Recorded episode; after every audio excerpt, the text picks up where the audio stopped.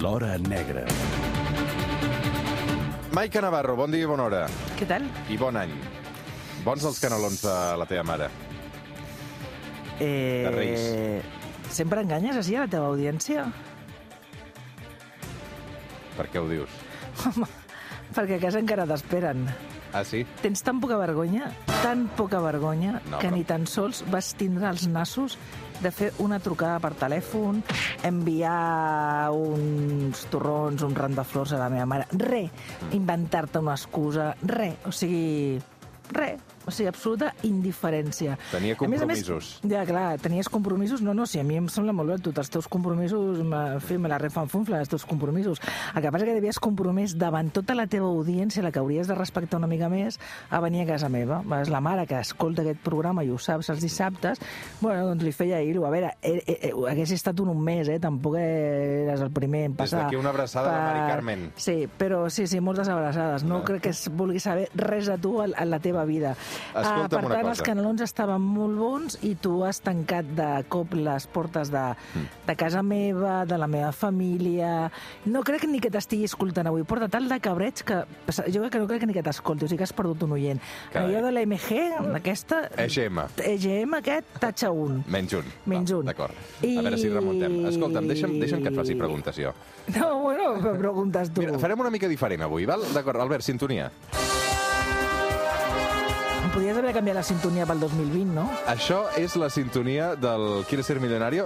Has intentat fer l'examen de cultura general dels aspirants a Guàrdia Urbana? Ostres, no, ho va portar el Toni Muñoz, que va ser el que va treure l'exclusiva aquesta història, i la veritat és que no, no he tingut temps, no, no, no ho he fet. Va, et És faré- molt fotut o què? Mira, el 2019 se celebra el 500 aniversari de la mort de quatre opcions. Miguel de Cervantes, Cristóbal Colón, Leonardo da Vinci, Galileu Galilei. A veure, torna a fer la pregunta més lentament, ostres. El digue- 2019 se celebra el el 2000 500 2019 ja ha passat. Sí. Vale, es va celebrar la mort de... 500 aniversari de la mort, 500 anys de la mort de Miguel de Cervantes, Cristóbal Colón, Leonardo da Vinci Ai, o Galileu Galilei. hòstia puta. L'Anna da Vinci. És correcte, molt bé, Maica Navarro. A veure, va, segona pregunta. Aquesta t'agradarà. Quin és el gentilici de la província de Navarra? és real, eh, aquesta pregunta, per entrar al cos de la Guàrdia Urbana. Navarric, Navarrense, Navarro, com tu, o Navarrès? Navarro. Gentilici de la província de Navarra. En català, Ah, en català, va, torna. Na Navarric, navarrense, navarrense, Navarro Navarro, o navarrès. navarrès. Podem dir que Maica Navarro, Maica Navarro podria ser Guàrdia Urbana. Uh, podria ser Guàrdia Urbana. Uh, és un test que van suspendre, atenció, el 88% dels 3.900 aspirants, eh? És una mena de purga... De purgar... Total. Era, no era fàcil, no era fàcil, no era fàcil. Però, de fet... Uh, Jo l'he fet sencer, les 50 preguntes, i crec que em vaig quedar amb 39 o 40 encerts. Bueno, havia, hauria, haguessis passat... No, jo crec que això s'ho han de replantejar. El Toni va posar sobre la palestra aquesta història, s'han de replantejar. I després d'aquest filtre va arribar un altre filtre, encara pitjor, que els van caure molts per una freqüència amb la prova de, de, de, de, la, de, la, de, de l'oïda. Uh -huh. Hi ha una freqüència que no sé per què se fa servir, I molta gent no la sent. no la sent i van caure també molta gent. No hi ha temari, en Mossos tampoc el té, no hi ha un temari limitat, hosti, fes un temari i que, que s'ho mirin i que s'ho aprenguin, però clar, una cosa tan genèrica és, és molt complicat. Crec que havia una, em va explicar el Toni Muñoz, que era el qui és el creador de Netflix, no? Complicat. I per què? Per què? Mm. Bueno, no sé, en fi. Avui amb la Maica Navarro a l'Hora Negra deixem-nos de preàmbuls. Ens Sí, sí, fixem... preàmbuls, però la cabrejada continua, o sigui, tu no te'n sortiràs de rosites. Molt bé. A No, un no, cas a que va commocionar, atenció, la S'ha ciutat acabat l'idili, vull dir. de Lleida, 2006. Un ram i un escrit de familiars i amics recorden el lloc on va morir tirotejat fa 10 anys Isaac Martínez, de 26 anys. 9 de novembre de 2006, un encaputxat va matar a trets en ple carrer Isaac Martínez. Tot això passava a Lleida. Maica Navarro, qui era aquest Isaac Martínez? L'Isaac Martínez Jiménez era el membre d'una família molt coneguda i molt estimada del barri de Capón de, de Lleida. El pare ja havia tingut una, una empresa familiar que posava finestres als veïns, eh, finestres en, el, en els barris de Lleida, i ell treballava de soldador en una, en una empresa de màquines esca, de, de, industrial. Eh, s'havia casat poc, feia més poquet, feia un any escàs que s'havia casat, amb la nòvia tota la vida, tenia una criatura de sis mesos, i aquell matí molt, molt, molt d'hora, un matí set, dos quarts de, de set del matí, un matí d'aquests de Lleida, amb molta, molta boira, van agafar el cotxe al pàrquing al carrer de Ter de, de l'edifici on, on vivia i bé, tot just va pujar, amb el vehicle va, va, va pujar la, la, la, la, la, la, La rampa. la rampa i es va col·locar eh, doncs, amb, amb, amb perpendicular al, al carrer Ter, esperant doncs, per introduir-se a, la, als- a la circulació. Hi havia un home que tot just l'estava esperant. I segons alguns testimonis, allò no es va acabar d'aclarir de tot, o bé pel que el coneixia, o bé perquè aquest home li va demanar res, l'Isaac va baixar la finestra de, de la, seva, la seva finestra del cotxe i en aquell moment, sense mediar paraula, va, l'assassí va fer sis trets i quatre van, van impactar de manera mortal. Tot això va passar al barri de Capon, eh, Mhm. de Lleida, amb aquesta família també molt coneguda en aquest barri. Hi havia testimonis d'aquest assassinat, Maica? Perquè crec que es va descriure com va ser aquest assassí, no? Sí, tot i ser aquesta hora tan, do, tan, tan, tan matineres, dos quarts de, de vuit, hi havia una obra al costat i aleshores estaven tots els, els operaris d'aquella obra i com a mínim vuit persones van recordar amb molta precisió als Mossos haver vist a, a un home mm, que estava en la, a la zona, jo com esperant, marodejant per allà, o sigui que per tant era un crim especialment mm, allò, preparat perquè aquest home estava esperant el cotxe de l'Isaac i a més a més eh, tothom li els hi va cridar l'atenció perquè era un home que portava passamuntanyes, que no era cap cosa inhabitual perquè feia molt de fred, la boira, guants i portava una armilla reflectant de color groc. Mm. Això que va comportar que tothom es fixés, recordés amb molta precisió l'armilla de color groc, però ningú fos capaç de recordar cap, rost, cap senyal de la cara. Sí que van, van sentir els trets, va, i de fet hi ha un, un obrer, fins i tot un d'aquests testimonis, que intenta anar darrere però hi ha un moment que recorda que té pistola i frena s'espanta pensant hòstia, a veure si aquest es girarà i em donarà un tret. I també hi havia una, un, un tret molt determinant que diversos testimonis van coincidir, és que l'home al marxar semblava que tenia els peus plans. No era, no era ben bé una coixera, no era ben bé coix, però era un, un caminar patós, allò com, com, com estrany. Seria un pies pla, una, una cosa estranya en una de les cames. Aquests fets van, ser, van, van coincidir a, a, a aquests testimonis, et dic, com a mínim vuit.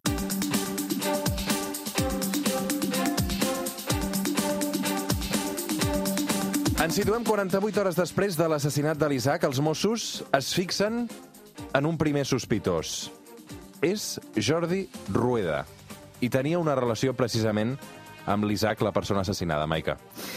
Sí, es fixen amb el Jordi Rueda, que en aquell moment treballava de cambrer amb, un, amb el bar de, dels jutjats i, per tant, el seu dia a dia era servint cafès i tallats i xocolates calentes a advocats, policies, funcionaris, Mossos... I el Jordi Rueda en aquest moment era la parella sentimental de l'excunyada de l'Isaac. És a dir, l'Isaac tenia un germà que havia, tingut, havia mm, tingut una separació molt traumàtica de la seva parella, molt traumàtica amb un procés judicial molt dur en el que tots dos van lluitar molt per la custòdia de la filla que tenien en comú. I en, aquesta, en aquest divorci tan dur i, i amarg, l'Isaac va tenir un, un paper molt, molt rellevant. Primer perquè va donar molt de suport amb el, amb el seu germà i perquè seva va ser la idea de que el seu germà contractés amb un advocat, amb un detectiu, que va fer un informe que en el seu moment va ser determinant perquè el jutge eh, determinés que la nena, la custòdia, quedaria exclusivament en mans de, de, del pare i no de la mare. La mare, amb aquesta nova parella, amb el Jordi Rueda, va canalitzar tot el seu odi cap a, cap a l'Isaac. I clar, un cop... És veritat que el crim tenia una... A les primeres hores tenia molts elements que podien semblar que era, doncs allò, una trifulca entre clans de droga, una... Clar, una, una, aquella escenografia, la cara tapada, quatre trets directament al cap, una cosa tan, tan, tan sinistra. Però van examinar amb molta allò, precisió tota la vida de l'Isaac, aquests 26 anys, i és que no van trobar res. I l'única turbulència a la seva vida era aquests conflictes amb, amb la seva excunyada i amb, i amb la parella de la seva excunyada. Uns conflictes que, a més a més, eren públics i coneguts. Uh -huh. I fins i tot el, aquest Jordi Rueda, amb la, seva, amb la que era la seva parella, havien denunciat a l'Isaac per amenaces. Una denúncia que va acabar en no res, però, bueno, estaven al punt de mira.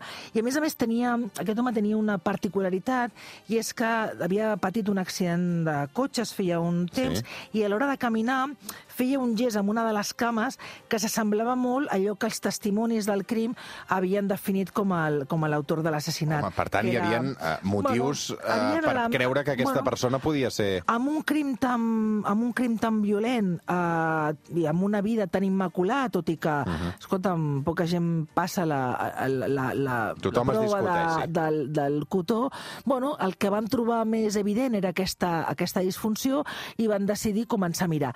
I llavors, als dos dies el que fan és demanar al Jordi Rueda fer-li una prova de, de parafina, que és aquesta prova que fan les policies, la qual t'examinen, especialment, la, en aquest cas van ser en primer lloc les mans. I la roba, no?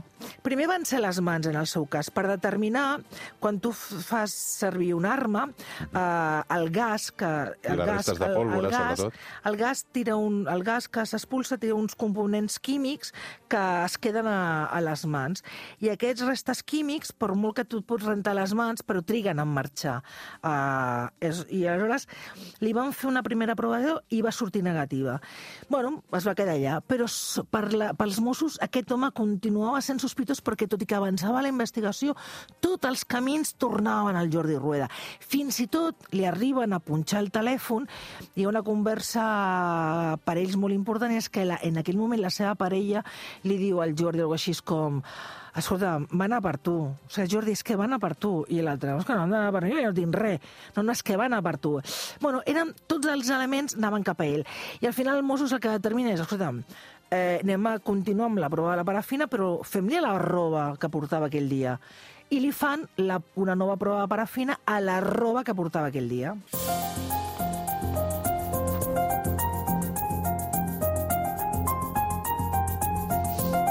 Què hi troben a la roba, Maica? Doncs a la, a la roba troben aquests restes que et dic de bari, plom i antimoni. O sigui, que sí. Que, bueno, era... Aquesta prova no és determinant. És a dir, no, no, té, la, no, no, no té la solidesa de... És indiciària, no té la solidesa d'un ADN o una, o una dactilar. Perquè ell el que va assegurar és que en aquell moment havia estat manipulant una bateria de cotxe i que, per tant, la bateria del cotxe, que també té algun d'aquests eh, elements, uh -huh. doncs és el que havia fet que tingués la, la roba atacada. Tot i així, va ingressar a presó, i això havien passat set mesos. El que passa és que els advocats d'en Jordi van demanar que s'havien de repetir les proves i es van tornar a repetir en dues ocasions més. Primer es va encarregar un, un informe al cos nacional de policia, perquè el jutge va, entendre, va entendre que eh, volia un, un laboratori eh, que no fos el de Mossos d'Esquadra. Aquest va, va dir que va sortir contradictori, va dir que no trobaven restes químics i es va demanar un tercer informe a la Guàrdia Civil Civil, que també va dir que, que no hi havia restes. Per tant, davant tre unes contradiccions tan fragrants de tres uh -huh. informes contradictoris, es va determinar, doncs, eh, el Jordi Rueda va quedar, va quedar en llibertat. Per tant, tenim un assassinat de l'Isaac al 2006, una detenció amb ingrés a la presó recorreguda i amb el principal sospitós una altra vegada en llibertat, uh -huh. i, finalment, l'arxivament de la causa. És a dir, és un cas d'assassinat no resolt. Sí, de fet, anys després, en el 2014, es va tornar a reobrir, perquè un, un conegut de, del germà de l'Isaac va explicar... Els Mossos no, va, no han deixat mai aquest cas, eh? tot i que per ells, això és la unitat d'investigació d'homicidis de Lleida, tot i que per ells eh, les seves investigacions sempre acaben en el mateix lloc, que és en, en, eh, en Jordi Rueda, eh, per... Clar, s'ha de trobar alguna cosa més, algun element més per reobrir. I en aquell van rebre un, un avís, un anònim, que deia que la pistola que havien fet servir pel crim de l'Isaac s'havia fet servir per un altre crim. No, en aquell moment es va reobrir, es van arribar a intervenir 70 armes de foc. Aquesta és una amb la que es va fer servir en el, crim, en el crim de l'Isaac. És una Glock 9 mil·límetres, és una arma molt habitual, és la que fan servir les forces de seguretat de l'Estat, també Mossos d'Esquadra, i també és una, una arma que es fa servir per tret esportiu. Per tant, bueno, es van requisar, ja et dic, quasi 70 armes, es van revisar totes i no es va trobar res. Per tant, al cap de poc temps es va tornar a arxivar el cas i de moment, fins des del 2014, el cas continua arxivat però arxivat vol dir o, amb, amb, mm. viu en el despatx d'homicidis però fins que no hi hagi cap altre element, de moment no es pot reobrir. Crec que la família, fins i tot, eh, de l'Isaac ofereix una recompensa a qui pugui portar eh, noves proves concloents, perquè clar, estem parlant d'un cas del 2006, eh, sí. n'han passat 14, la... eh, sembla complicat que encara puguin aparèixer algunes coses més. A veure, coses més... Crec que el pare es passeja per Lleida amb una furgoneta sí, amb tot de cartells reclamant sí, justícia la... encara pel fill. Jo de tant en tant he visitat a la, a la família de l'Isaac Martínez allà al seu domicili de Capón i realment et trenquen l'ànima perquè, bueno, el, tenen un net que va créixer sense pare i sobretot aquesta sensació d'absoluta impunitat i ells també estan convençuts que l'única persona que tenia que era enemic del seu fill era, era el Jordi Rueda, que ell doncs, eh, va perdre en aquell moment la feina que tenia en el bar, eh, sempre ha denunciat que aquesta imputació que ell diu que va ser eh, doncs, irregular va, el va estigmatitzar, que, mai, que la seva vida va donar un tom perquè bueno, es, va haver, es va separar de la, de la cunyada de l'Isaac Martínez, tenien, tenen dos fills en comú, però es van arribar a separar, i ell el que demana és que la causa s'arxivi completament i que deixi d'estar assenyalat. Que els Mossos continuen, ja et dic, treballant i la família de, doncs, allò, eh, penja de tant en tant cartells, rememora el dia del crim i demana constantment, van tenen un telèfon d'homicidis i van uh -huh. trucant de tant en tant per preguntar si hi ha alguna novetat. Maica Navarro, uh, moltes gràcies. Coneixes el Sergi López? Ostres, um, el conec... L'actor, eh? Sí, sí, Ho dic sí. perquè està esperant aquí fora i ja n'entrarà. Doncs ara, ara, ara, ara farà moltes risses, perquè el Sergi López i jo tenim uns amics, que, bueno, eh, a Sant Esteve a Palau Tordera, que l'havia, amb, la, amb la, tota la gent... No te m'enrotllis, que tinc els, anun tinc els anuncis aquí al costat, eh? L'Albert Pla i tota aquesta gent, ah. i amb gent comú, doncs allò... Ets amiga d'Albert Pla i de Sergi López, tu? No ben bé així, però una època de la meva vida vaig coincidir molt amb l'Albert Pla i a Sant Esteve per la Tordera. De què rius? doncs, uh, sí, sí. Que va sí, ser una sí. època... Una època bastante turbulenta. Te'n recordes de tot o no, del que va passar aquella època? Hòstia. No. No, ho deixarem aquí perquè, mira, tinc els anuncis que em salvaran. Però, eh, què, vols anar de rosites així? Sí.